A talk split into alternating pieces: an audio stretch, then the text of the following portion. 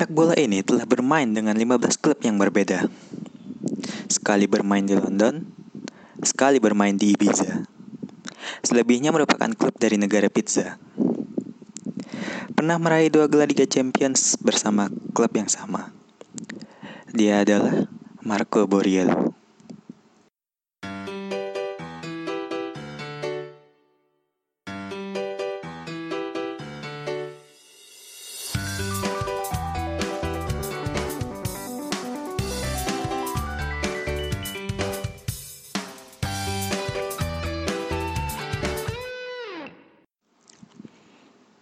Ini pemain gak tahu ya dibilang beruntung atau tidak beruntung.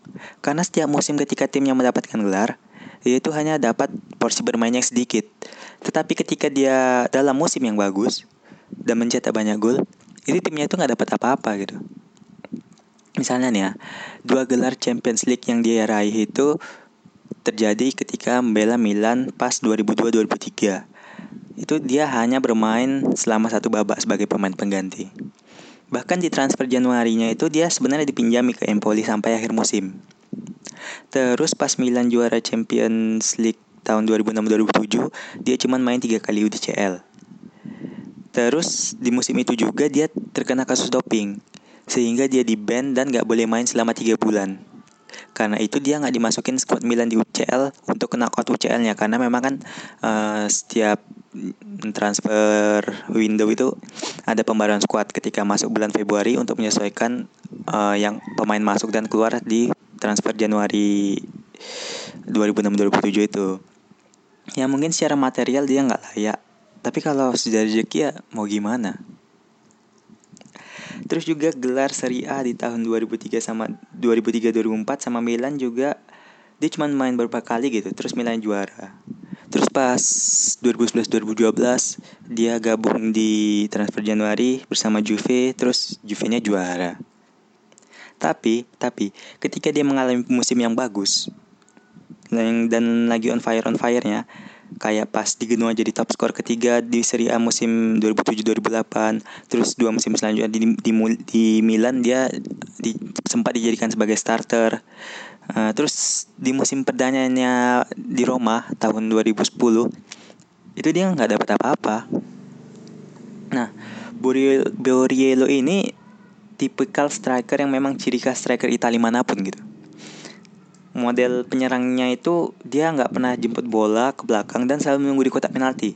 Kalau ada umpan-umpan dari lini yang lain, ya mungkin dia beruntung tidak lahir uh, lebih muda karena jika hal itu terjadi, tipe striker seperti ini akan sulit ber beradaptasi dan dengan atmosfer sepak bola modern yang kebanyakan penyerang harus bisa turun ke belakang dan bantu serangan dan membuka ruang gitu. Sebenarnya selama beberapa musim di Roma, hanya satu momen yang kuingat dari dia. Ketika musim 2013-2014, yang satu-satunya gol di musim itu ngebantu Roma mencahin rekor 10 kemenangan beruntun di awal musim.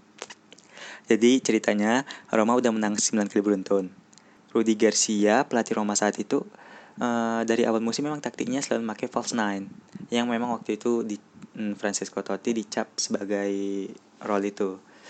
Nah, karena memang striker murni Roma saat itu cuma Borriello dan Destro, terus si Destro ini dari awal musim udah cedera, jadi belum bisa main. Makanya ngandelin Totti sebagai false nine. Terus di match ketujuh Totti cedera itu. Nah karena nggak ada pengganti yang pas, makanya mulai dipakailah Borriello dan taktiknya taktiknya agak lebih sedikit berubah dengan memakai target man.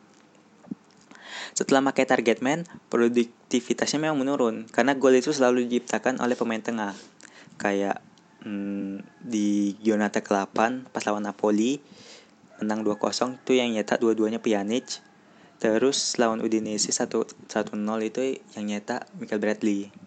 Nah, pas lawan Chievo, si Rudy Garcia itu masang tiga penyerang Liajic, Marquinhos, Borriello di starting line up.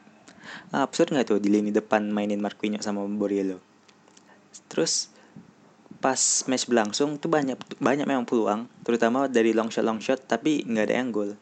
Sampai akhirnya di menit 60 berapa gitu dari sisi kiri Florenzi ngasih umpan ke tengah terus disundul tuh sama Borriello yang adu tubruk-tubrukan sama back Chievo dan terjadilah gol.